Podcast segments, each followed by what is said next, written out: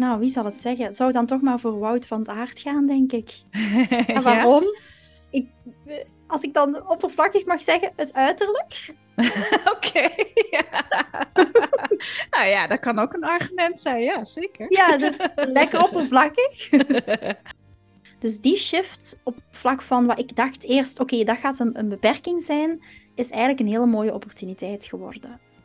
Maar toen heb ik op een gegeven moment voor mezelf beslist van, en ja, je, je gaat jezelf daardoor aanpassen, want ik dacht, ja, ik moet misschien net iets meer outspoken zijn, net iets meer direct zijn, net iets meer zoals ik denk dat Nederlandse vrouwen zich gedragen, bijvoorbeeld. Hè. En op een gegeven moment heb ik voor mezelf gevraagd van, oké, maar ik ben zo ver aan het afwijken van wie ik zelf ben, dat het op een ander ook totaal niet meer authentiek gaat overkomen. En als je daar niet authentiek in kan zijn, dan gaat de ander zich ook afvragen, oké, wie is Lara eigenlijk? Welkom bij Heb getwijfeld over België. Een eerlijke podcast over emigreren. Wat vinden Nederlanders en Belgen nu echt van elkaar? Wat kun je het beste doen als je heimwee hebt? Ik ga in gesprek met inspirerende gasten die net als ik het avontuur zijn aangegaan en een huis en haard hebben ingeruild voor een nieuwe plek in een ander land. Ga mee op ontdekkingsreis. Oké, lieve luisteraar. Ik heb vandaag Lara van Dongen voor een uh, heel leuk interview, denk ik. Want zij heeft weer een hele andere kijk op het stuk emigreren. En dan niet vanuit Nederland naar België. Maar Lara van Dongen is juist een Vlaamse die naar Nederland is verhuisd en uh, daar al vele jaar ook woont. Uh, zij is relatiecoach, ook psychotherapeut ben je. Je hebt ook echt ja, de, de achtergrond vanuit de psychologie meegekregen. En je hebt je eigen Lara's Liefdesschool een podcast, um, maar je geeft ook trainingen, coaching. Nou, daar ga je straks nog meer over vertellen. Ik vind het echt super leuk om jou, uh, om jou hier te hebben en jouw verhaal te horen, uh, Lara. Dank je wel dat je er bent. Ja, ik vind het super tof uh, om hier ook te zijn als Belgische Nederlander, Nederlandse Belg. Ik weet niet hoe ik het, ook soms moet zeggen, maar uh, ja, dankjewel. Ja, zeker. Ik heb heel veel vragen voor je. En uh, we hadden al even een voorgesprekje net, uh, waarin we al helemaal los gingen op die verschillen en hoe jouw emigratie is gaan. Nou, daar gaan we het zeker over hebben. Maar wil je jezelf nog um, wat meer voorstellen? Je bent natuurlijk woonachtig in Nederland. Waar precies, Lara? Waar woon je? Ik uh, woon in Eindhoven op dit moment. Um, ja, wat kan ik nog over mezelf vertellen? Ik ben 39. Ik heb uh, twee zonen. Uh, onze jongste is drie en onze oudste is 15. Die wordt in januari 16, dus zit volop in de puberteit. Heel leuk. um, verder ben ik als achtergrondpsychologe en ik ben dating- en relatiecoach. Um, fantastische job trouwens. Ik help single dames met het, het vinden van hun partner ja, op, uh, op, zal maar zeggen, op het onderliggende um, stukje, niet een matchmaker zou ik maar zeggen. Dus ik ga niet zeggen van oké, deze man past bij deze vrouw, maar onderliggend, hè, soms merk je bij jezelf dat je tegen bepaalde dingen aanloopt.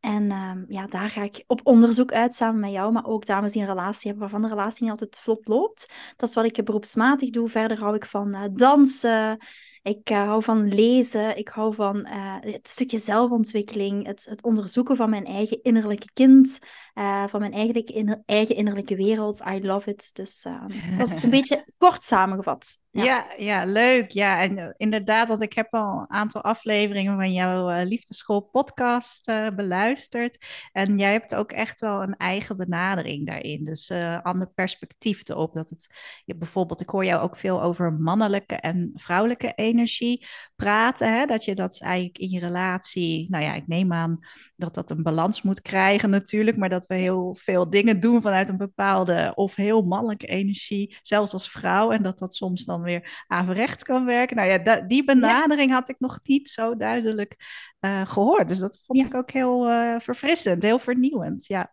Ja, het is zo, toen ik met mijn podcast begon, laat, laat me eerlijk zijn, um, ik vond dat best wel spannend. En waarom is omdat ik, uh, ja, ik spreek natuurlijk heel veel over de balans tussen mannelijke en vrouwelijke energie, maar ik spreek bijvoorbeeld ook over circulerend daten. Dat betekent met meerdere mannen tegelijk daten bijvoorbeeld. En dat zijn best wel ah. soms een beetje vernieuwende concepten, om het dan Zeker. zo te zeggen. Dus ik vond dat in het begin nogal best spannend om als deze nederige Belg daar, een heel, uh, daar een heel duidelijk standpunt in, in te nemen. Maar ik merk dat daar um, ja, enorme, en natuurlijk doe dit werk al een aantal jaren, en ik merk dat uh, vooral, ik, mijn doelgroep is nu natuurlijk dames, uh, daar enorm grote stappen in nemen. Ook echt uh, hun relaties uh, veranderen op een paar maanden, maar ook van single naar een relatie gaan. Op basis hmm. van, ja, zoals ik zeg, mijn ja, ik hou van het ontdekken van mijn eigen innerlijke wereld, maar ook de innerlijke wereld van de ander. En als je dat als vrouw kan gaan ontdekken, ja, zijn er zo mooie shifts mogelijk in je liefdesleven. En ja, I love it ja, gaaf. Nou ja, dat, iedereen heeft jouw naam gehoord. Ik zal het ook zeker nog in de show notes zetten voor de luisteraar die op liefdesgebied, wie wil dat nou niet, nog een betere hè, relatie, of als je geen relatie hebt, een, een relatie te creëren hè, vanuit ja, hoe jij het echt wilt. Ja, mooi, leuk. Ehm, we gaan het ook zeker nog straks hebben over want daar ben ik heel nieuwsgierig naar. Is er nou een verschil tussen mannen uit Nederland daten en mannen uit België uh, daten? Ik wilde wel heel graag beginnen met de rubriek Nederland versus België. Ik hoor heel graag jouw voorkeur voor het een of het ander en heel kort uitgelegd waarom je daarvoor kiest. En we beginnen met iets om te eten. Het, uh, en zeker als je uit Eindhoven komt, dan ken je vast het worstenbroodje wel. Vind je uh, het worstenbroodje boven de Vlaamse koffiekoek uh, te verkiezen of andersom? Ik ga toch voor de koffiekoek, maar dat is ook omdat ik een zoete kou ben. Dus vandaar de koffiekoek, ja. Ehm, Matje van der Poel of Wout van Aert? Nou, wie zal het zeggen? Zou dan toch maar voor Wout van Aert gaan, denk ik. En waarom? ik, als ik dan oppervlakkig mag zeggen, het uiterlijk. Oké. nou ja, dat kan ook een argument zijn, ja, zeker. Ja, dus lekker oppervlakkig. en dan de Efteling of Plopsaland? Uh, de Efteling. Ja? Ja. Waarom is natuurlijk, wij wonen in Eindhoven. De Efteling is 20 minuutjes van de deur. We hebben een abonnement gehad op de Efteling afgelopen jaar. Ja, dat is gewoon fantastisch. Uh, ik merk ook, ik ben ook bijvoorbeeld naar Plopsaland uh, indoor geweest, maar mijn zoontje van drie, die gaat toch volledig voor de Efteling. En als ik zijn enthousiasme zie, dan denk ik, ja, ja, Efteling. Ja, leuk. Leuk. Ja, bij, tot nu toe krijg ik altijd de Efteling toren hoor. maar ik ben zelf nog nooit in Plopsaland geweest, dus ik moet okay. het toch ook eens een kans geven. En dan uh, festivals. Pinkpop of Rock Werther? Rock Werther? Um, Waarom is, ik heb altijd in het Leuvense gestudeerd. En uh, ja, ik herinner mij nog vanuit mijn eigen studententijd dat die trein, als ik naar huis ging, bomvol zat met allemaal studenten met hun uh, plastieke botten aan. Um, omdat het modder zou zijn en in de modder ploeteren. En ja, weet je, dat is een beetje de studenten... Um, nostalgie, om het ja. maar te zeggen. Ja. Je bent er vaak geweest uh, ja. Ja, ja, ja. Leuk, ook leuk. met mijn uh, plastieke zakjes over mijn botten aan, in de regen, in de modder, in de ja, ehm, samen iets drinken, om het dan nog zo wat een beetje mooi te vertellen. Ja, maar, ja. ja, het is wel wat nostalgie. Ja. Jazeker, leuk. En uh, misschien kijk je het programma niet, maar we hebben een slimste mens in Nederland op televisie. En we hebben natuurlijk de slimste mens of ja, ter wereld in België. Ja, ik ga toch voor België, omdat uh, ja, mijn man is daar natuurlijk fan van. S'avonds op YouTube kijkt hij om te lachen altijd. Dan zegt hij ook zelf altijd van, ah, hier in Nederland hebben we geen humor, maar die Belgische uh, slimste mensen, weet je, ook met, ja, met die presentator Erik, geloof ik dat hem heet. Ja, ja dat is altijd, altijd um, ja, gewoon heel, heel, heel erg om te lachen. Dus ja, ja, België. Duidelijk. En jouw man is dus ook uh, fan. Ja, ja, Belgisch. ja. Ja, ja, ja, zeker. Leuk. Uh, schaatsen of wielrennen? Schaatsen. Hmm. Ja, ik heb uh, ik heb niks met wielrennen eigenlijk, maar ik hou, ik denk altijd bij schaatsen, maar misschien is dat ook zo mijn romantische beroepsmisvorming, maar ik denk altijd zo schaatsen rond de kerstboom met de lichtjes en zo romantisch hand in hand naast elkaar schaatsen. Leuke date, toch? Als je voor het eerst elkaar, of tweede date misschien, gaan schaatsen. Als, als je naar luistert en het is kerstperiode en je bent aan het daten, stel het eens voor aan je man of je vrouw. Het is echt... Uh, super tof om te doen. Ja. ja, zeker. Ja, samen wielrennen, dan moet je echt echt heel erg fanatiek wielrenners zijn, wil je dat op een date toe. Maar sommigen doen het wel. Volgens mij heeft mijn man zelfs ook wielrennend gedate in Nederland. Want dat is wel een wielrenner hoor. Ja, ik moet zeggen, alleen al het gedacht dat ik uh, zo mijn voeten moet vastklikken in die wielrenners uh, pedalen, dan, uh, nee, dan breekt het zweet mij al uit. Oké. Ik weet niet of je een uh, bierdrinkster bent, maar als je moest kiezen tussen Heineken of Jupiler. Ja, Jupiler. Maar ik ben sowieso geen bierdrinker. Ik ben meer van de wijn, de typisch vrouwelijke drankjes, zou ik maar zeggen, om het dan stereotyp even uit te drukken. Mm. Maar als ik dan toch moet kiezen voor bier, dan ga ik echt voor het Belgisch bier. Belgisch ja. bier, yes. Ja. Uh, bluff of bazaar? Geen idee wat dat is. Bluff. Oh, de, we zitten in de muziek, in de bands. Oh, oh oké. Okay, ja, okay. Zoutelanden oh, ja. met Geiken, Bluff. En uh, we hebben Bazaar natuurlijk in België. Ja, daarom. Dan, hetgene wat ik ken, ja? ik dan Bazaar. Bluff, okay. um, ja, nee. geen idee. En jouw man is kennelijk ook geen fan. Nee. nee. nee. Mijn man is eigenlijk meer van de klassieke ethische uh, muziek en zo. En de, ah. de dan echt van, de, van Bluff. Ik heb geen idee. Sorry, okay. Bluff. Uh, neem het vooral niet persoonlijk. nee, ze luisteren misschien ook helemaal niet. Maar wel Bluff-fans, denk ik. Um, ik ben benieuwd. Ja, je kent ze wel van het liedje België, denk ik. Het Goede Doel. Of dan Clouseau. Dus de groep Het Goede Doel uit de 80s, 90s. Ja, ja, ja maar die ken ik. Ik ja. kies toch voor Clouseau. Dat is echt wel zo um, jonge meisjes nostalgie van... Uh, ja, denk je, naar Clouseau kijken en die mannen van Clouseau zo van, oh ja, weet je, ook weer daar, daar het uiterlijk, maar ook de, de liedjes, de romantiek. Ik ben ook naar meerdere optredens geweest in het Sportpaleis van uh, mm-hmm. Clouseau. Dus uh, dat heeft ook wel zo'n beetje terug naar mijn meisjestijd. Ja, ja want had ja. je ook een crush dan op Koen Wouters? Of, uh... Ja, eerder op Koen dan op zijn broer. Dus ja. Uh, ja. ja. maar dat is nu ook wel al, ja, dat is al bijna twintig jaar geleden, denk ik. Ja, ja, ja, ja. Um, als je mag kiezen, ik weet niet of je in Nederland in Delft alles bent geweest.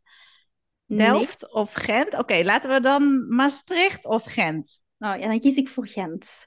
Ja. Maar uh, ook omdat natuurlijk um, en mijn roots uh, liggen in het Gentse, van mijn papa zijn kant. Uh, mijn tantes en zo wonen nog in het Gentse. Dus ja, ik voel, het is een beetje thuis. Ja, ja. Um, en nog wat muziekgenres. Um, Too Unlimited of Milk Inc.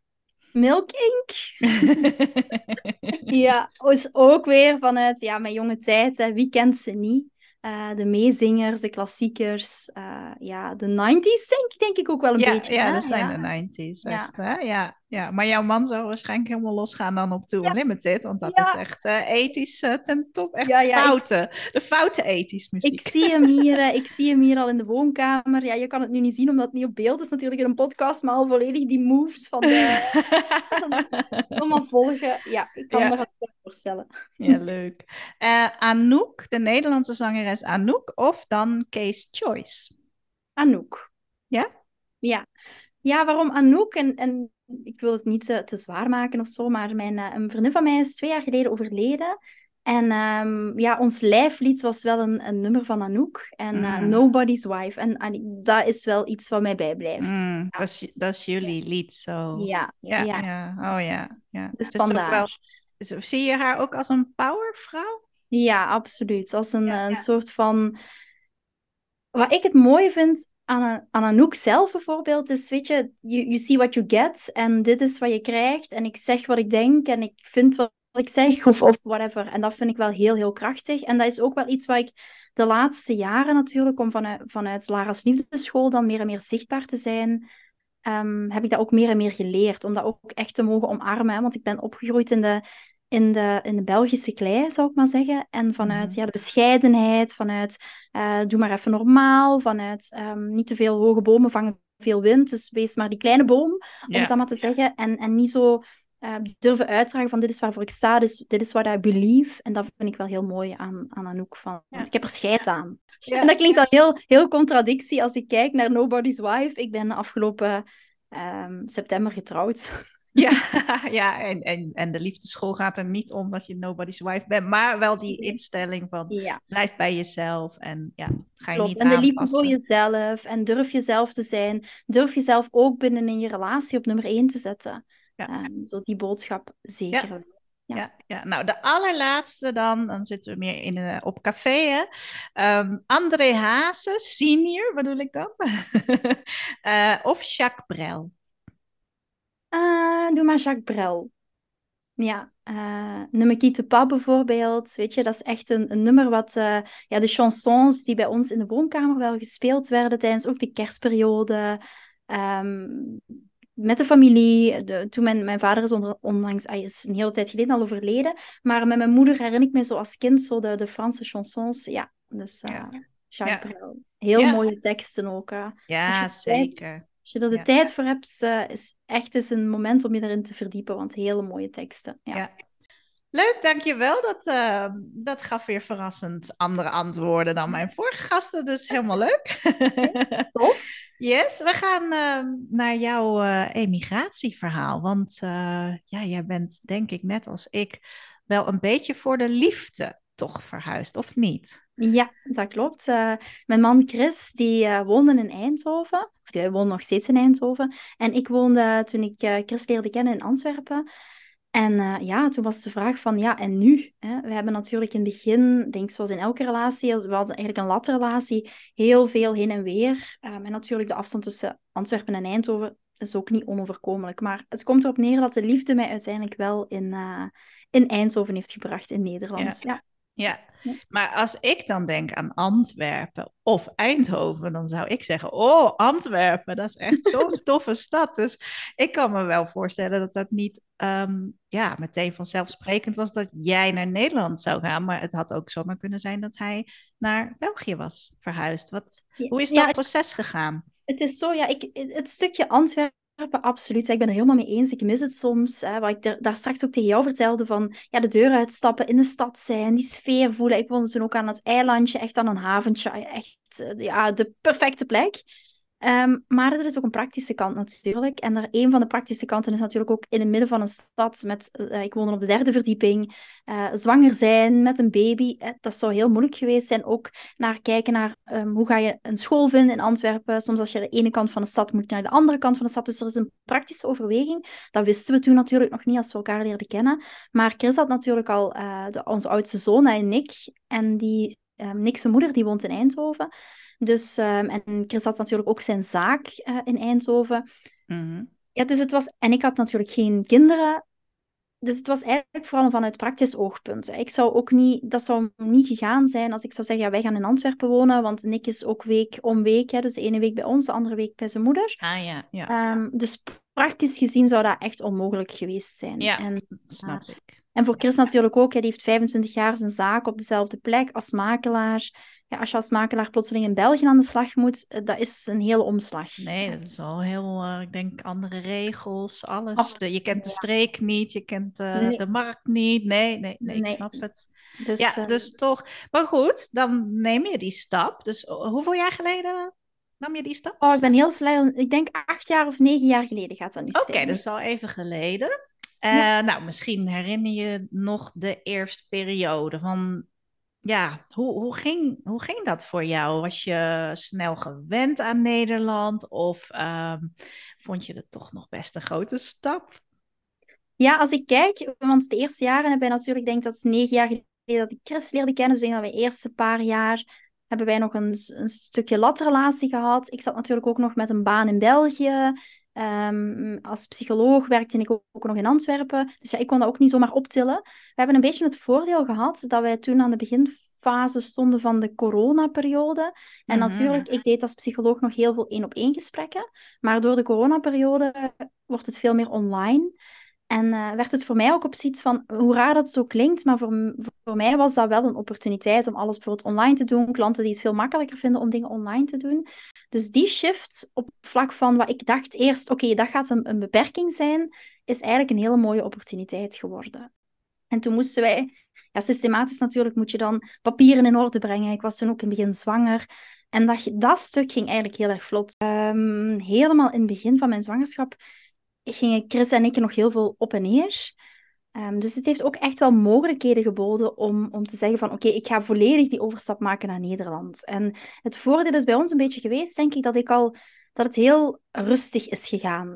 Wat bedoel ik daarmee? Ik denk dat het heel anders is als ik bijvoorbeeld vandaag beslis, oké, ik woon in België en morgen ga ik in Nederland wonen. Terwijl bij mij het, de fase en het proces dat eraan vooraf gegaan is heel ehm, zacht is gegaan. Het was niet van, oké, nu woon je hier en nu woon je daar. Omdat ik natuurlijk heel vaak, wij zijn vaak naar, heen en weer gereden. Um, ik heb natuurlijk al kennis gemaakt met de buren, al kennis gemaakt met uh, vrienden van Chris. Dus heel die Nederlandse cultuur, ik ben er zo'n beetje rustig in gehobbeld. Ja. En, uh, misschien is dat wel anders als je van het een of andere moment dan het gevoel hebt. Ook bijvoorbeeld, ik had nog een appartement in Antwerpen, ik heb dat hele lange tijd verhuurd. Dat was niet dat ik dat direct ging verkopen. Um, dus het is niet allemaal de schepen verbranden, dat gevoel had ik niet. En dan ik denk dat het hele integratieproces dat, dat wel wel vermakkelijkt heeft. Ja, ja, dat ging wat geleidelijker in jouw geval, ja. Ja, ja en, en ook natuurlijk als ik dan in Nederland was. En soms, ja, um, er zijn natuurlijk wel verschillen tussen Nederland en België. Daar gaan we het straks waarschijnlijk ook nog wel over hebben. Zeker. Maar um, als ik dan even zoiets had van, oké, okay, I'm feel overwhelmed. Of oké, okay, dan kon ik altijd wil even terug naar de, naar de Antwerpse eh, sfeer. En dan, dan, ja, ik denk dat het anders is dan van het een op het andere moment. Ja, ja zeker. Ja, ja. En de afstand inderdaad. Hè? Je bent vanuit Eindhoven naar Antwerpen toch binnen een uur, denk ik. Ja, of, ja. Het was, ik denk, ja, laat ons zeggen van deur tot deur een uur. Ja, ja. ja, dat ja dus dat is nog wel te overbruggen. Ja, precies. Ja. Maar je zei wel, uh, vlak voordat we ons interview starten, zei jij, ja, ik denk wel dat het moeilijker is voor een Nederlander om naar België te emigreren dan andersom. Mm -hmm. En hoezo uh, denk je dat? Ja, ik heb dat echt wel zo ervaren. Natuurlijk, er zijn uiteraard met alles wat je onderneemt, zullen er zeker wel wat hobbels zijn. Maar ik heb het gevoel, als ik nu spreek en als België hier naar luisteren, het is misschien wel stereotyp, maar ik heb altijd gewerkt in de, in, uh, in de regio de Kempen. En dat is een, een regio waar ik ook een aantal jaren gewoond heb. Ik heb daar gewerkt. En in de Kempen merk ik, althans dat is mijn ervaring wat ik nu vertel, is dat de waarheid? Dat weet ik niet. Maar in de Kempen, toen ik zelfs in de Kempen werkte als mijn roots in België liggen meer in Vlaams-Brabant, in het Limburgse. En toen ik in de Kempen kwam werken, voelde ik al van oké, ik ben hier altijd het buitenbeentje. Zelfs als Belg, ook in een Kempische omgeving, zou ik maar zeggen. En natuurlijk, als je met, met een bedrijf, groeit, komen er dan ook consultants. Soms waren dat Nederlandse consultants, waarvan ik merkte van oké, die reïntegratie of die integratie is mega moeilijk. Terwijl ik de ervaring heb van ik die naar Nederland ben gegaan, dat als veel minder moeilijk ervaren. Ik zie dat ook in mijn coachings bijvoorbeeld, heb ik 50%, 50% Nederlanders, 50% Belgen. Oké, okay, ja, dat dus wilde ik is... nog vragen, ja. Ja, dus dat is echt, laat ons zeggen, en ook als ik bijvoorbeeld, ik heb mijn nummers van een podcast, 51% van de dames die luisteren zijn dames uit Nederland. Terwijl heel veel mensen verwachten, oké, okay, jij bent Belg, dus er zullen wel meer Belgen luisteren. Dus nee. ik heb het ervaren als, ik heb de twee kanten gezien. Ik heb gezien hoe dat Nederlanders soms moeten integreren in een campus klei ondergrond, waar dat reïntegratie, of integratie echt wel moeilijk was om mensen op hetzelfde pad te krijgen, op dezelfde lijn te krijgen. En ik heb die integratie in Nederland als iets makkelijker ervaren. Natuurlijk was dat niet in een, in een businessomgeving, maar toch, ik heb, ik heb wel het gevoel dat ik van het moment dat ik binnen in mezelf een, een shift maakte van oké, okay, ik hoor hier echt thuis, dit is nu mijn Hmm. huis, mijn thuis, um, heb ik wel het gevoel dat ik echt wel met open armen ontvangen werd. En Ja. dat ik, um, dus daarom dat ik denk dat het moeilijker is om als Nederlander in België te integreren dan andersom. Maar misschien is dat ook een vraag voor jou, hè, Mike. Ik weet niet wat jij ervaren. Ja? Ja, ik heb, ja, ik heb in de introductieaflevering al wel het een en ander over gezegd. Maar um, ik denk dat het ook wel de overgang is van ga je van een stad naar een dorp. Hè? Ik woonde in Nederland natuurlijk in Utrecht, bij de stad. De naaste ongeveer, een stukje al de voet erin. Dus wat jij zegt over Antwerpen, van naar buiten lopen, meteen een cafeetje induiken. Ja, heerlijk. En hier ging ik natuurlijk naar een dorp. Um, ja, dat is heel anders. Uh, dus ja. die overgang vond ik eigenlijk het grootste. En dan om te zeggen van ja, tussen Nederlanders en België uh, zie ik veel verschillen. Uh, maar ik denk inderdaad, ik vind het mooi wat jij zegt. Van je hebt een shift in jezelf te maken. Want Uh, ik had bijvoorbeeld drie boeken ge gekocht om me voor te bereiden op wat kan ik dan verwachten. Ja, mooi. ja, maar die boeken waren niet zo mooi. Dus uh, okay. ik zag allemaal stories en uh, ja, ik zag mensen die moeilijk aan werk kwamen, inderdaad. Misschien toch dan het voorbeeld dat jij net noemde, um, dat je er niet tussen kwam, makkelijk uh, als Nederlander. En um, nou ja, dat, dat gaf mij nou niet echt uh, een motivatie om sowieso ben ik niet doorgaan met lezen van die boeken. Want ik merkte dat mijn overtuigingen over dat het moeilijk zou zijn, alleen maar door die boeken bevestigd werden. En ja, ik vond het zelf wel pittig, maar dat had bijvoorbeeld ook te maken met dat wij ook eerst nog in een verbouwing zaten, de eerste anderhalf jaar. Uh, dus ik vond het al best pittig en ik had best wel wat heimwee. Um, mm-hmm. Ja, en dan merk je wel natuurlijk in een dorp, ja, mensen weten al niet eens van, maar wat mis je dan zo aan Nederland? Of hè, je mist de stad. Ja, dat missen ze hier gewoon niet. Ze vinden het ook wel heel fijn dat het hier dorps is. Dus ja, daar voelde ik me wel een beetje een buitenbeentje in af en toe. Maar inmiddels heb ik echt wel mijn plek gevonden. En mag je ja, dat, misschien is dat ook jouw ervaring. Hè, van um, als je probeert aan te passen, uh, dan ga je ook een stukje van jezelf eigenlijk wegcijferen. En dan denk je dat dat goed is, omdat je als vreemdeling ergens komt. Uh, dus misschien maar beter om een beetje aan te passen. Maar daar werd ik echt helemaal niet gelukkig van, van mezelf aan te passen. Ik weet niet hoe jouw ervaring daarin was. Ja, ik, ik zie dat zelf ook. Als ik kijk naar heel, heel specifieke situaties, vaker dan kom je... Um ja, in een omgeving, bijvoorbeeld, Chris heeft een aantal vrienden. Die vrienden hebben natuurlijk ook allemaal een vrouw. En ik kwam in het begin als Belg tussen die vrouwen die allemaal Nederlands, uh, Hollands, zoals wij het dan zeggen, Hollands praten. En voor mij voelde ik voelde mij altijd een vreemde eend in de bijt. Hè, want ik spreek de taal niet. Maar ja, eigenlijk in België hoorde ik ook helemaal niet meer thuis. Want ja, daar was ik eigenlijk ook niet meer, want ik woonde al in Nederland. En ik voelde mij altijd zo wat de vreemde Lara die ergens nergens bij hoort. Um, maar toen heb ik op een gegeven moment voor mezelf beslist van, en ja, je, je, gaat jezelf daardoor aanpassen, want ik dacht, ja, ik moet misschien net iets meer outspoken zijn, net iets meer direct zijn, ja, net ja. iets meer zoals ik denk dat Nederlandse vrouwen zich gedragen, bijvoorbeeld. Hè. En op een gegeven moment heb ik voor mezelf gevraagd van, oké, okay, maar ik ben zo ver aan het afwijken van wie ik zelf ben, dat het op een ander ook totaal niet meer authentiek gaat overkomen. En als je daar niet authentiek in kan zijn, dan gaat de ander zich ook afvragen, oké, okay, wie is Lara eigenlijk?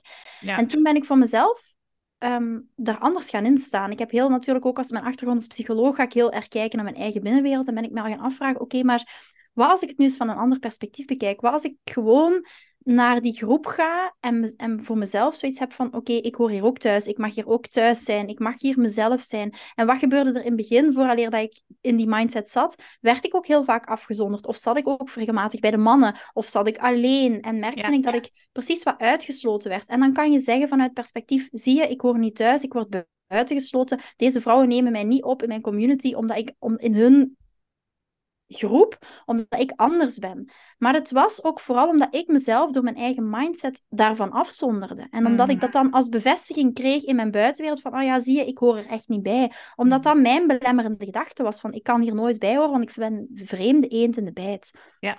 En vanaf het moment dat ik dat ben gaan shiften en voor mezelf ben gaan kijken van, oké, okay, ik mag hier ook zijn, ik heb mijn bijdrage op mijn bijzondere manier, werd ik ook automatisch in die groep opgenomen. En toen ben ik ook gaan denken, hé, hey, maar ik voel mij als vreemde eend in de bijt, maar misschien um, is het voor die Nederlandse vrouwen ook wel even aan, aan... Misschien denken zij ook wel, oh ja, maar we gaan misschien iets minder direct zijn. En we moeten misschien iets ons meer zo gedragen of zo gedragen. Want ja, Lara is een Belg.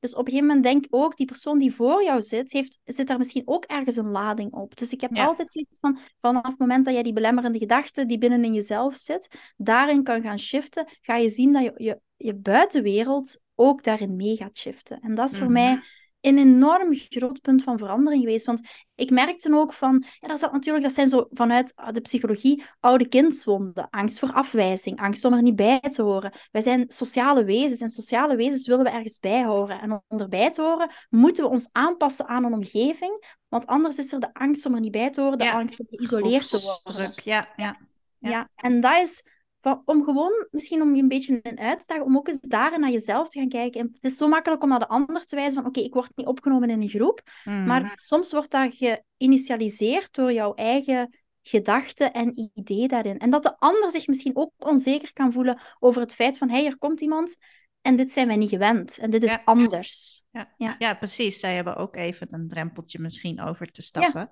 En daar sta je niet, uh, niet bij stil, hè, vaak. Nee. Nee, precies. Ja. ja, mooi, mooi. En um, is er nou iets waarvan je zegt, nou in Nederland ben ik zo gecharmeerd van. Is er iets typisch Nederlands waar jij echt, uh, ja, dat jij als heel positief ervaart? Het gaat zo raar klinken, maar wat ik zo bijzonder vind aan Nederland is.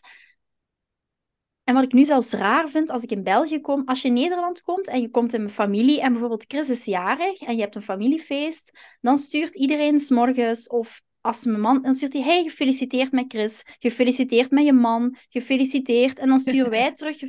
Maar mijn moeder bijvoorbeeld, die gaat nooit naar mij sturen als Chris jarig is, hey, gefeliciteerd met Chris. Die zegt dat tegen Chris, maar die gaat dat nooit tegen de omgeving zeggen. En in het begin dacht ik, ja, maar hoezo? Iedereen feliciteert mij voor de verjaardag van Chris.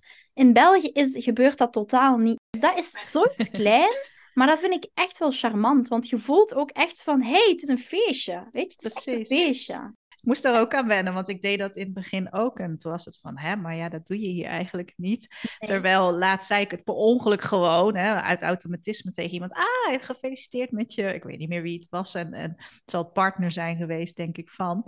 En, uh, maar die vond het ook, die reageerde gewoon, oh, Oh, dankjewel. Ja. Dus uh, ja, dat, dat, soms moet je het ook maar gewoon even doen, denk ik dan. Om uh, ja, niet bij en, nadenken, oh, zo doen ze het hier niet. Want dan ga je het dus opnieuw weer aanpassen. Ja. Klopt. Ja, en wat ik ook altijd fijn vind, en dat is iets wat mijn moeder heel vaak opmerkt. En mijn moeder komt natuurlijk regelmatig naar Eindhoven. En dan gaan we de stad in en dan gaan we iets drinken.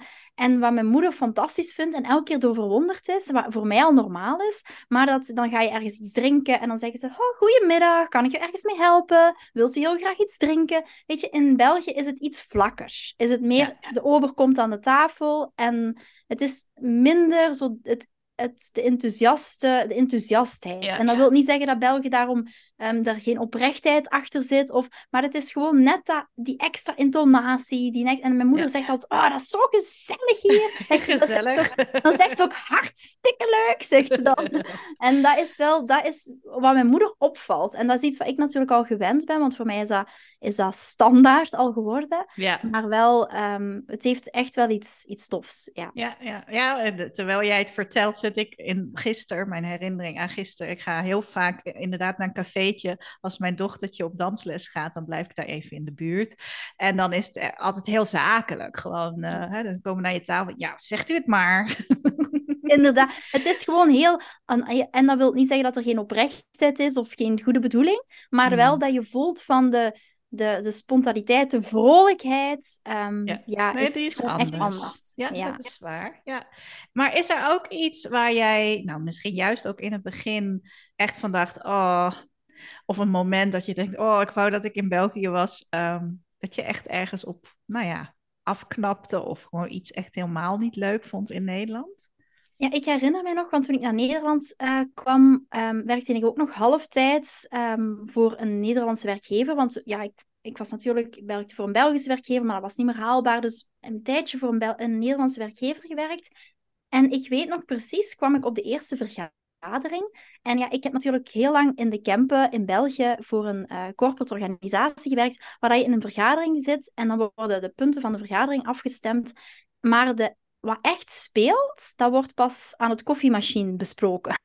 Ah. hoe, hoe, raar dat het ook is, maar heel vaak werden die dingen tussen neus en lippen. Dus eigenlijk als je als leidinggevende iets wilde weten, moest je gewoon naar het koffiemachine gaan. En dan werden die zaken, die ze niet in de meeting durfden zeggen, die werden dan aan het koffiemachine besproken en die kwam je daar dan te weten. En ik weet nog, als ik de eerste keer op een... Uh, in mijn, in mijn, uh, in mijn, in mijn, Nederlandse werkgever zat.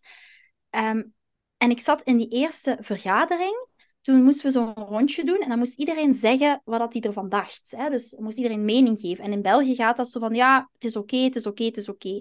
En hier werd direct vanaf het eerste moment er iets van gezegd. En ik weet nog, um, dat was een personal trainer en dan moest ik ook, ja, waren wij ook bezig met voeding en zo. En wat was ik, aan het, wat was ik gaan doen? Dat was een keukentje, dus ik was middags mijn eten gaan maken in dat keukentje. En daarna hadden we een vergadering, maar blijkbaar was dat daar not done. Uh, blijkbaar had iedereen gewoon zijn eten mee, maar niet in dat keuken, niet in die keuken van die personal trainer.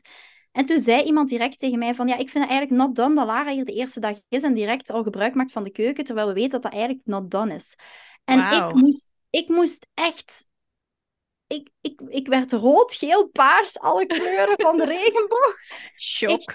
ja, ik was, voor mij was dat een shock, omdat ik direct kwam van, oké, dingen worden gezegd. En voor mij, voelde dat, voor mij voelde dat in eerste instantie als een enorm grote afwijzing. Terwijl, ja, dat is een stukje de Nederlandse directheid. En ja als ik daar achteraf op terugkom, eigenlijk wel heel fijn. Want het zorgde voor mij ook voor duidelijkheid. Oké, dat is not done, prima, klaar. Maar op dat moment was die... Ehm, en nu ben ik dat gewend. Maar op dat moment was dat contrast voor mij zo enorm groot. Dat ik dacht van, oké, ik ben hier net uh, vier uur. En ik word al gewezen op iets wat not done is.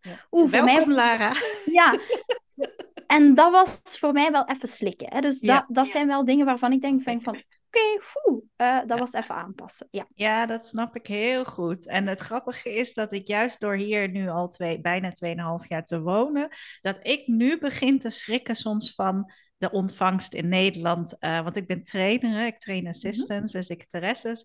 En dat ik echt zeker in de steden waar ik dan ben, dat ik soms zoveel directheid op me afkrijg dat ik het hier niet meer gewend ben natuurlijk. Dat ik er gewoon ook van schrik. Dat ik denk, Oh ja, dat is heel Hollands. En binnen de eerste vijf minuten al helemaal niet van, oh leuk dat je er bent, Maaike. Maar gewoon, ja, dit is mijn situatie vandaag. En zo, zo, zo. Je moet maar niet denken dat, uh, oké, je boodschap is helder, dankjewel. Ja. ja, en het is op zich, het geeft het is ook makkelijk, want natuurlijk als ik dan kijk, terug naar België, naar die corporate organisatie, als leidinggevende is dat heel lastig. Hè? Want ik stuur dan ook een aantal mensen aan en dan is het soms heel moeilijk om te weten wat speelt er in mijn team. En daardoor kan je heel moeilijk ook dingen doen voor je team, omdat je het niet altijd als feedback terugkrijgt. Dus soms is die directheid als leidinggevende heel fijn, omdat je dan mhm. heel gerichte actiepunten kan nemen. Maar voor mij was het, ja, voor mij voelde het direct als: oké, hier, het kader is gezet, het, het contrast was heel groot. Ja. En, uh, ja, ja, natuurlijk. Nee, dus dat zijn, dan komen we al eigenlijk op best wel wat verschillen toch hè, in de cultuur. Uh, maar ja, natuurlijk omdat relaties uh, helemaal jouw ding zijn, mhm. ben ik heel nieuwsgierig of er nou echt duidelijk verschil zit tussen de Nederlandse man, hè, vanuit het perspectief als vrouw dan uh, heb jij het ervaren, de Nederlandse man of de Vlaamse man, als je daarmee ging daten, heb je, heb je daar verschillen in gemerkt? Heel eerlijk gezegd, nee. Hmm. Hoe, hoe, raar dat dat ook klinkt. Um, het enige, als ik bijvoorbeeld naar mijn man kijk, ja, Chris heeft ook wel die directheid. Um, maar dat, ik denk dat dat meer samenhangt met, oké, hij is gewoon Nederlander.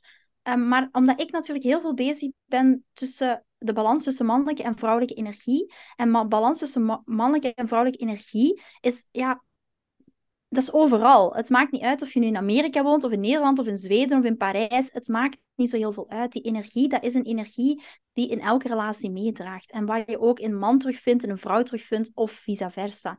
Dus ik heb ook natuurlijk heel circulerend gedate. Hè, toen ik met meerdere mannen tegelijk date, toen ik in Antwerpen woonde. En als ik dat vergelijk met Chris, is daar niet heel groot verschil in. Puur de directheid, maar ik denk dat dat meer uh, gebonden is aan de Nederlandse cultuur dan dat het echt man-eigen is of zo. Nee. Mhm. Want, ik maar ja, ik ben wel een beetje verbaasd. Kijk, ik, ik zelf kan ook niet heel duidelijk zeggen hoor, van oh ja, mijn man is nou typisch zus en zo en dat is Vlaams en in Nederland was het anders. Ik, ik kan wel een paar verschillen noemen, maar niet. Hè, ik, wat, wat mij bijvoorbeeld wel opvalt, ik weet niet of je dat herkent, Ehm, ik vind wel in België, zover ik het tot nu toe heb meegemaakt, dat de rolverdeling soms nog wat ouderwetser is. Dus dat zeker de vrouwen uh, als moeder zijnde sneller uh, de rol aannemen. Oké, ik zorg ook hè, naast mijn job, want wel iedereen heeft hier wel gewoon een job uh, van de mensen die ik tenminste ken, de vrouwen. En die zijn moeder en die pakken dan toch echt vanzelfsprekend veel meer verantwoordelijkheid thuis voor het gezin, voor de kinderen. En de man heeft meer ruimte om gewoon, uh, ja, bijna unquestionable, uh, zijn, zijn, zijn carrière te volgen en gewoon te mogen zeggen: ik, ja, ik ben toch degene die misschien het meeste inkomen ook binnenhaalt. Dus ik heb recht op uh, jouw ondersteuning meer thuis. Dat wordt niet uitgesproken, maar het wordt wel zo meer ouderwets, vind ik dat dan, hè, als ik het mhm. vergelijk met Nederland, toch wat ouderwetser uh, in stand gehouden. Nu, ik denk dat er echt wel een verschil is tussen ook een dorp en een stad. Als ik kijk, bijvoorbeeld als ik naar de Kempen kijk, hè, dat is natuurlijk meer een dorpsmentaliteit. Dan zie ik dat ook nog veel meer terugkomen. Als ik kijk naar uh, de collega's waar ik toen mee samenwerkte, in de, in de ouders daarvan, zag je nog veel meer die klassieke rolverdeling. Als ik in Antwerpen woonde, was dat veel minder. En dan mm. zie je ook echt wel ook meer de, ook de, de stukje de vrouwen die ook wel, um, ja, het veel meer in balans is. Dus oké, dit is mijn man, dit is mijn vrouw. Dus ik denk dat het ook een beetje afhankelijk is van waar dat je dan precies woont, in welke omgeving dat je bent. Uh, maar in het Antwerpse merkte ik dat veel minder. Ja. Ehm, ja, dus dan heb je ook meer de moderne vrouw en de moderne man. Dus dan mhm. heb je het misschien ook echt over andere, in die zin andere culturen weer. Ja, niet per se Nederland of België. Ja. ja, weet je waarom ik daar echt wel een duidelijke... Is er een verschil tussen een man, een man uit België en een man uit Nederland? Ik durf daar echt wel een nee op antwoorden als je kijkt naar... Het heel kleine inimini verschillen zijn. Maar als ik kijk naar de vrouwen die ik begeleid, ik heb ook dames die in uh, mijn relatiegroep zitten, en dat is 50-50 um, Nederland-België. En daar zie ik heel weinig verschillen. Echt mhm. heel weinig verschillen in, in, als je het hebt over communicatie. Uiteindelijk, ja, Nederlandse mannen zullen wel zeker directer zijn, maar de manier waarop je, je bent natuurlijk ook specialist in een stukje communicatie. Het is ook de manier waarop je communiceert vanuit een stukje ook vrouwelijke energie. Uh, mannen reageren daar heel vaak wel op dezelfde manier op, los van of je nu Nederlander of Belg bent. Ja, ja. ja. Ja, en, en natuurlijk, juist omdat het in de liefde gaat om je innerlijke wereld, uh, kan ik me ook voorstellen dat daar juist de minste verschillen zijn. We hebben allemaal dezelfde processen of complexen. Of je hebt allemaal een oud patroon te doorbreken. Uh, nou, noem het maar op. Ja. Het is overal hetzelfde natuurlijk. Ja, en weet je, het is als je dan zo de vraag zou stellen van... de, is er verschil tussen de, de Nederlandse vrouwen die begeleidt en de Belgische vrouwen die begeleidt? Ja, Eigenlijk niet. In het begin, toen ik aan dit werk begon, dacht ik dat echt. Toen dacht ik echt van, oké, dit is een Nederlandse vrouw, ik moet mij meer wapenen, ik moet meer op mijn grenzen staan, ik moet directer zijn, weet je, vanuit de, de stereotype idee, zoals je je denkt te moeten gedragen. Maar zoals jij heel mooi zegt, het, je patronen doorbreken, het, het, eh, de manier waarop je het vuur terug in je relatie brengen, um, het, het, patroon waarom dat je op dit moment single bent, het heel anders graag zou willen, uh, liefdesblokkades doorbreken, angsten voor intimiteit, je eigen innerlijke wereld, dat gaat dat is grensoverschrijdend. Ik heb ook heel lang bijvoorbeeld, en dat is misschien nog een hele mooie, heel lang uh, vrijwilligerswerk gedaan voor een uh, vluchtelingen. En daar kwam heel vaak, die mensen hebben van alles meegemaakt, hè, soms hele gezinnen uitgemoord, ehm, heel veel meegemaakt. En heel vaak de vraag die ik daar terugkreeg was, ja, ik ben verliefd op deze jongen uit het kamp. Of het gaat mhm. momenteel um, niet zo goed met mijn vrouw, bijvoorbeeld. Of met mijn man. Dus het kwam altijd terug op de liefde. Dus je ziet, het, het is echt grensoverschrijdend. Het gaat, heeft helemaal niks te maken met welke nationaliteit dat je dan hebt. Nee, nee mooi. Mooi beschreven. Ja, en, en de Vlaamse, jij noemde het nederigheid of bescheidenheid, zoals wij het uh, denk ik vooral zeggen. Ehm, is, is dat dan niet een verschil toch wel? Ja, en dan, en dan gaat het niet specifiek over de liefde, maar wel het verschil tussen uh, Nederlanders en België. Ja, ik zie dat zelf ook bijvoorbeeld in, in mijn business, om het dan zo maar even te zeggen, merk ik wel dat in het begin, tussen haakjes, heb ik daar wel wat last van gehad. Mm. In, in bijvoorbeeld, wat gaat iemand ervan vinden? Oké, maar je mag niet zeggen dat je al 100 vrouwen begeleid hebt en van die 100 vrouwen heeft 93% een partner gevonden in die eerste acht maanden bijvoorbeeld. Nee, dat mag toch niet gezegd worden? Want dat, weet je, snap je dus altijd zo die bescheidenheid van, ja, maar dat is wel iets wat iedereen... Ik heb al honderden, dat, zegt, dat zeggen zoveel mensen. Ja, nee, blijf maar en dat heb ik wel geleerd van mijn man bijvoorbeeld, dat hij op een gegeven moment zegt van Lara, maar je mag daar echt wel voor gaan staan. Je mag echt wel gaan staan dat je een uh, psycholoog bent, dat je nog een doctoraat hebt gehaald. Want bijvoorbeeld, dat is eigenlijk een heel mooi voorbeeld.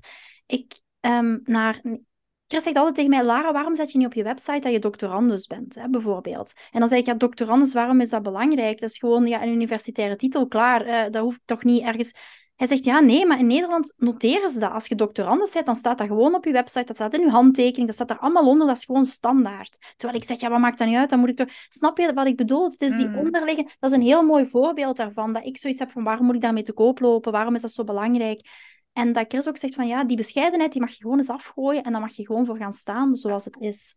En dat is wel een verschil. Vanuit onze roots is dat vanzelfsprekend en dat dat zo is. En daar hoef je niet mee te koop te lopen. Daar hoef je niet van de daken te schreeuwen.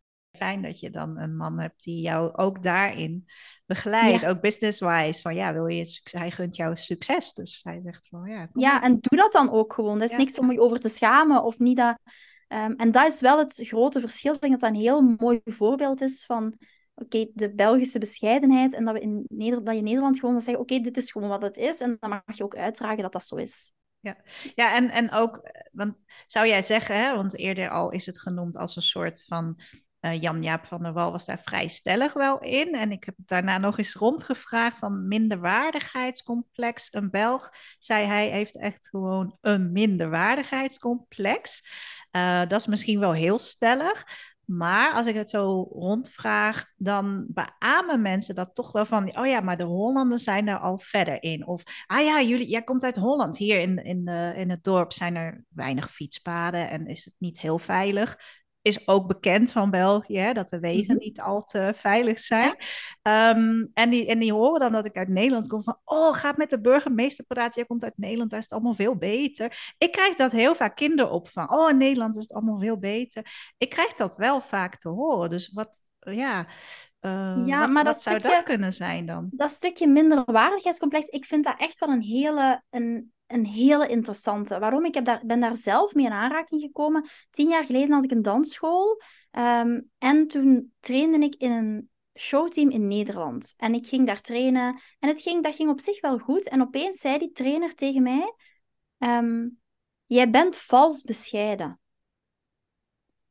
En eigenlijk is dat misschien minder heftig dan minderwaardigheidscomplex, maar dat is waar het op neerkomt. En hmm. dat is echt wel zo. Ik denk dat wij heel vaak wel ehm, geloven in onszelf dat we het kunnen, maar we durven het niet uitdragen. En als je het natuurlijk het niet durft uitdragen, dan gaat het niet in je werkelijkheid komen. Want ik zeg altijd, gedachten, de gedachten die je hebt, de woorden die je uitspreekt en de gevoelens die daaronder liggen, dat moet één op één lijn zitten vooraleer iets kan in je werkelijkheid komen. Dus als jij op een gegeven moment bij jezelf zegt van kijk, ik, ehm, ik ben vals bescheiden, ik ga het niet uitdragen, dan ligt dat niet op één lijn. En dat bedoel ik met, ik weet niet of dat we echt een minderwaardigheidscomplex hebben, of het echt dat het juiste woord is. maar ik denk dat het vals bescheiden is. Wij, wij weten eigenlijk wel dat we het kunnen, maar we durven het niet uitdragen. En als je, die, als je het niet durft zeggen en niet durft uitdragen, dan gaat het ook, is het heel moeilijk om het in jouw werkelijkheid te gaan manifesteren. Dus ik kijk erop neer, is minderwaardigheidscomplex het juiste woord? Ik weet het niet. Ik denk dat het eerder vals is. Ik denk dat wij België echt wel weten wat we kunnen en wat we willen.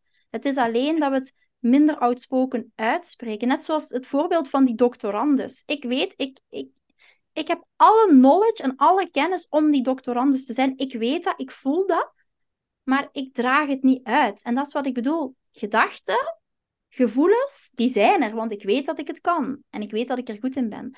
Maar woorden spreek ik het niet uit. En dat is die bescheidenheid. En dat is, misschien is dat wel wat minderwaardigheidscomplex. Want als ik er echt voor zou gaan staan, dan zou ik het ook wel durven uitdragen. Ja. Zie je? Dus... Ja. Ja, het blijft interessant, hè? Ja. ja, ik ben er ook nog niet helemaal over uit, dus ik blijf het verder onderzoeken. Maar uh, ja, ja, Hey, uh, heb jij wel eens momenten gehad van heimwee? Misschien juist in de beginjaren wat meer ja, ik denk in de beginjaren niet zo, maar ik denk dat dat ook komt omdat ik natuurlijk, hè, toen uh, werd ik zwanger, het was coronaperiode, het was een heel rare periode. Uh, toen werd ik zwanger, ben ik bevallen. Het eerste jaar heeft ons zoontje heel slecht geslapen, dus ik denk dat ik, en toen had ik natuurlijk ook ja, mijn business die recht moest blijven, dus ik denk dat ik niet zo heel veel tijd heb gehad om heimwee te hebben. Maar ik denk, mm. nu een paar, ma paar maanden geleden had ik een interview in Antwerpen, ook was ik uitgenodigd voor een podcast. En toen reed ik door Antwerpen en toen moest ik net zo altijd die straat waar dat ik heb gewoond. En toen had ik wel zoiets van, oh weet je, ik, ik mis dit echt wel. Maar waarom mis ik dat ook? Ik was toen single, ik was in Antwerpen, weet je, zo de, de sex en de city gevoel van single zijn. En, en dat gevoel, denk ik, meer dan dat het echt heimwee is naar, naar België of zo. Ik weet ook heel eerlijk gezegd niet, Maaike, of ik um, terug zou kunnen aarden als ik in België zou wonen. Ik heb nee, geen... precies. Nee. Nee, nee, dat. Uh, ja, je, je bent dan op een gegeven moment wel echt waar je bent. Hè? Als je niet kunt zijn waar je op dat moment bent en je denkt de hele tijd, oh, daar was alles beter, of daar was het anders, of oh, hier heb ik nog niet dit, dan zet je ook je voeten niet in de aarde. Maar op het moment dat je dat wel begint, hè, wat jij heel mooi zei van de overtuiging aannemen, ik hoor hier thuis, uh, dan begint het ook zo te voelen en begin je daar meer naar te gedragen. Dan krijg je dat ook meer terug vanuit je omgeving. Dus dan is de stap van, oh, ik zou nu zomaar weer even terug kunnen in die andere aarde, daar letterlijk voeten op aarde en ook figuurlijk aarden, um, dan gaat dat natuurlijk niet zomaar meer. Nee, dat is ook een proces, ja. Ja, ik, ik ben er altijd van overtuigd, je, kan, je hebt een keuze. En waar dat je nu bent, is het nu. En je kan intunen in de emotie van het verleden en gaan intunen in, oké, daar wil ik terug naartoe. Maar je kan ook gaan intunen in een gevoel van de toekomst. En daar blijf ik altijd op aangaan. Dat ik denk van, oké, ehm, ik kan blijven heimwee hebben. Ik kan blijven teruggaan naar hoe het was. Soms romantiseren we dat ook en maken we het mooier dan het is. Hè. Daar mogen we ook naar kijken. Maar soms kunnen we ook bewust kiezen, oké, ik ben hier nu. Ik accepteer dat ik hier ben. En ik maak op dit moment het beste van wat er nu op dit moment is. En hoe wil ik mij voelen in de toekomst? En zoals je zegt, het echt aarde in waar je nu bent. En daar geloof ik echt in. Vanuit ook het stukje energetisch. Van oké, ik, ik accepteer dat ik hier nu ben.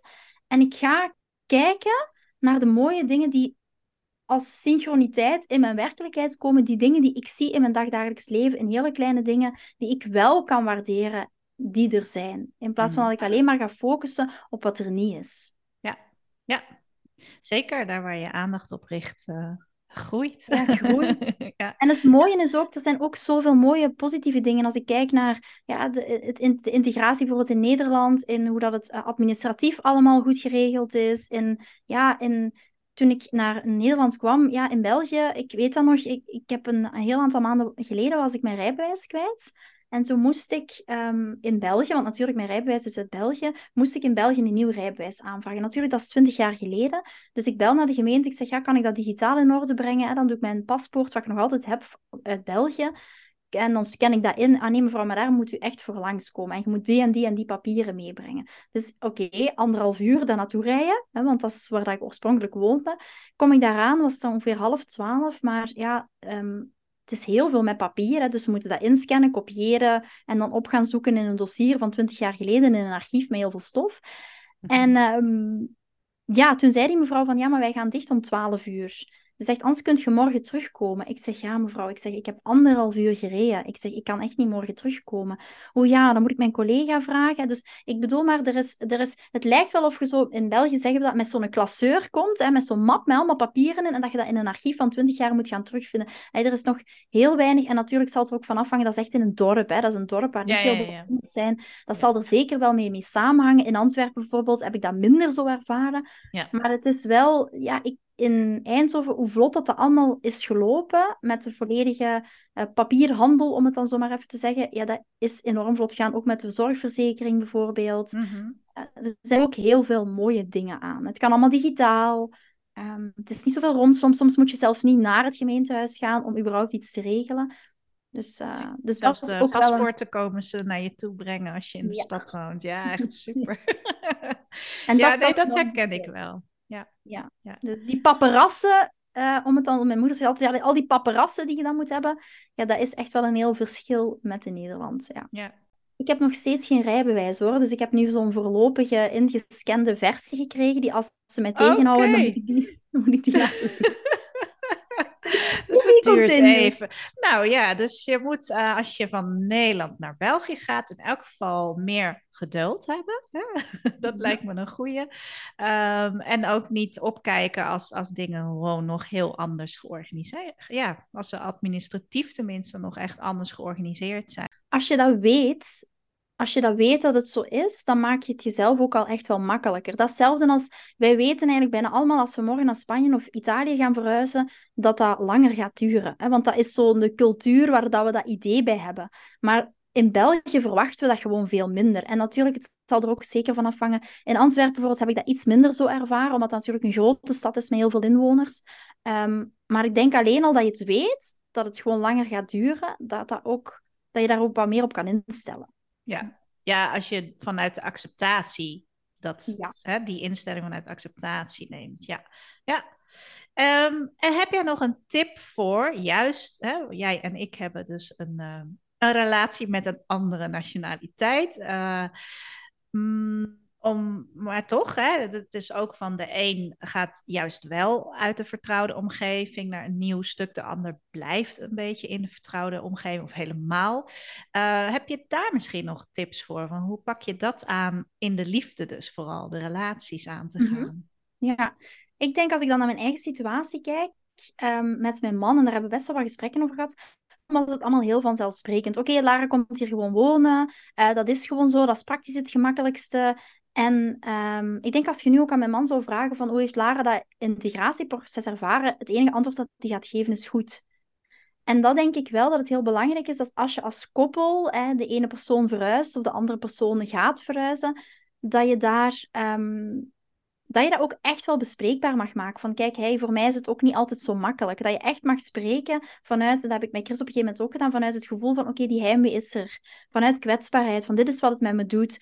In deze groep van dames, zoals ik in het begin, ik voelde me echt niet geaccepteerd. Ik voelde me een buitenbeentje. En dat je als partner ook de openheid kan hebben om daar gewoon naar te luisteren. En dan hoef je niet direct een oplossing te verzinnen, maar gewoon al eens te luisteren van oké, dit is waar mijn partner echt mee kampt. En dit is wat het met haar of met hem doet.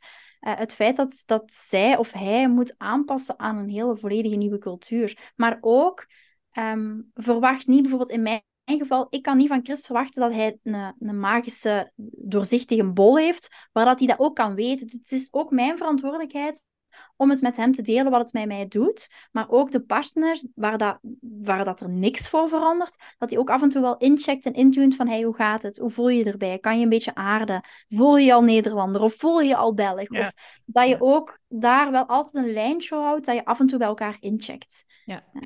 Ik denk dat dat een hele mooie tip is, om te weten van oké, waar staan we nu en hoe voelt het voor jou? Dat het dat het niet voelt van, ik heb in het begin met Chris ook daarover gehad, van voor mij voelt het precies als, als allemaal heel vanzelfsprekend, maar ik moet, heel veel, ik moet heel veel aanpassen, ik moet heel veel regelen administratief en jouw leven gaat gewoon verder. Dat was mijn initiële gevoel. Terwijl als ik daarover met hem in gesprek ging, toen zei hij ook van, ja, maar natuurlijk, ik moet ook aanpassen, want er komt iemand nieuw in mijn huis en, en we hebben natuurlijk een zoon, die zit daar ook. Dus ook voor hem zijn er hmm. aanpassingsmomenten. Terwijl ik dat percipeerde als, ja, wat moet jij je eigenlijk aanpassen? Ja. Ja, wel een beetje herkenbaar inderdaad. Ja. ja, ja. En daarin blijven communiceren. En, en, niet, en mijn verantwoordelijkheid was daar ook in om dat te blijven aangeven. En niet te veronderstellen dat jouw partner dat maar allemaal moet weten. Hmm.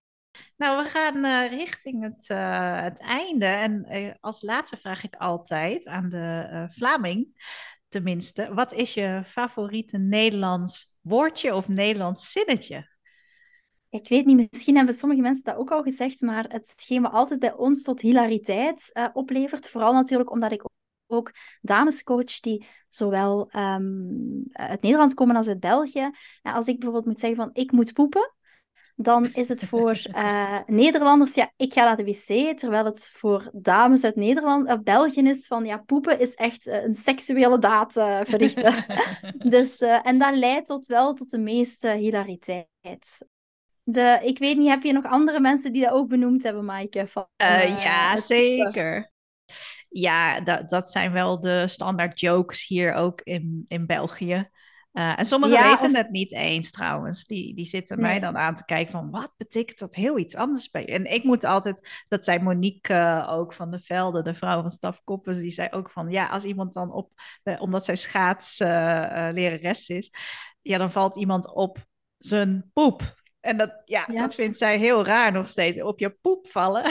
Ja, ja, ja, ja. Ja, ja en weet je wat ook bij, bij, ons ook wel is in het gezin waar we altijd heel veel moeten, om moeten lachen. Um, in Nederland zeg, zeg je, zeggen we, of zeggen jullie Chardonnay of zoiets, denk ik. Chardonnay. En in, uh, in België is het echt chardonnay, op de, op de mm. Franse manier, echt de chardonnay. En in Nederland is het of filet, filet. Dat, dat, of, of bijvoorbeeld wat ook is, de jij. Ja, dan zeg ik, hoezo jij? Komt er dan nog een j achteraan? Weet je, jij, ah. hij, wij. Um, Oké, oh, die heb ik nog niet gehoord. Maar wel, eh, ik mag geen filet Amerikaan zeggen, want het is prepa carré. Ja. Want bij filet Amerikaan, kijk, de, de slager die hier trouwens ook nog beenhouwer genoemd mag worden, ja. die kijkt mij dan echt aan, wat wil je? ja. ja, of zo van de, de, de embrayage, hè, dat is de, de, de koppeling bijvoorbeeld, dat zijn ook wel zo oh, ja. ja, nee, nee, dan ben je mij kwijt al snel. Maar als ik in de auto zit, kan ik hem nog wel snel vinden, maar als het buiten de context is, dan zit ik ook echt uh, schaapachtig te kijken. En dat overkomt me nog steeds. Na 2,5 jaar ben ik echt nog niet bij met alle typische Vlaamse uitdrukkingen. Maar dat is bij ons ook bijvoorbeeld s'avonds als mijn zoontje naar bed gaat, dan zeggen we ook, om dan weer terug te komen op het poepen, zeggen wij, kom jongen, poepke wassen. Hè, poepke wassen. Hè, want dan gaan we zijn billetjes wassen. En dat zijn zowel van die dingen. En dan was uh, Nio van de week bij de bij de kinderopvang. En dan had hij dus gezegd, ja, ik moet poepke wassen. Dus toen had s'avonds onze, onze gasthouder gezegd van, ja, hij zegt heel tijd poepke wassen, poepke wassen. Ik zeg, ja, dat zijn zijn billen wassen. ja, juist bij de kinderen kom je dat helemaal tegen, dat verschil. Ja, ja dus dat is wel top. Ja, of dat mijn moeder bijvoorbeeld, natuurlijk onze jongste, ja, Nieuw is nu drie, en die begint meer en meer te praten. En mijn moeder die, die komt dan hier en dan zegt ze, ja, dat is toch wel heel uh, bijzonder dat hij dan zo'n uh, zo'n Hollands accent heeft. Want ja, jij en hij en wij. Ja, en mijn moeder die vindt dat best wel raar. Ik zeg, ja mam, dat is wel logisch, we wonen in Nederland. Ja, dus, ja. Uh, gaat naar ja. Nederlandse school straks ook, dus dat wordt hartstikke Nederlands. Ja, ja, ja, kan ik niks aan veranderen. Maar wel leuk, het is toch ook de charme gewoon om, om allebei de culturen thuis te Absoluut. hebben, vind ik. Ja, ja. zeker weten, zeker weten. Heeft zijn charmes. ja. Hey, super bedankt voor dit uh, interessante interview en jouw kijk op uh, Nederlanders en uh, Vlamingen, vooral Vlamingen natuurlijk, want we hebben het hier toch niet over het hele België. Dat bestaat ook nog uit een Wallonisch gebied. Klopt. um, maar um, nee, leuk en, en nou ook misschien wel geruststellend de conclusie dat er eigenlijk niet zoveel verschil is als je gaat daten met een Nederlander of een Belg. Ja, gewoon nee, lekker jezelf dus blijven. Moet ja. het gewoon eens, uh, als je naar luistert, gaat eens over de grens proberen, wie weet. Wie weet. Nou, daar sluiten we mee af voor de singles. Absoluut. En ik wil jou heel erg bedanken voor je mooie verhaal. Dankjewel. Heel, heel graag gedaan. Dankjewel dat ik hier mocht zijn. Yes. En als mensen meer willen weten over jou? Uh, dan kunnen ze op Lara's Liefdeschool zoeken, de Lara's Liefdeschool podcast. Dan uh, gaan ze mij automatisch wel vinden. Ja, leuk. Dankjewel. Yes. Dankjewel, Maaike. Superleuk dat je hebt geluisterd naar Heb getwijfeld over België. Vind je deze podcast leuk en wil je hem aanraden bij anderen? Nou, je doet me enorm plezier met sowieso een review achter te laten bij Apple of Spotify.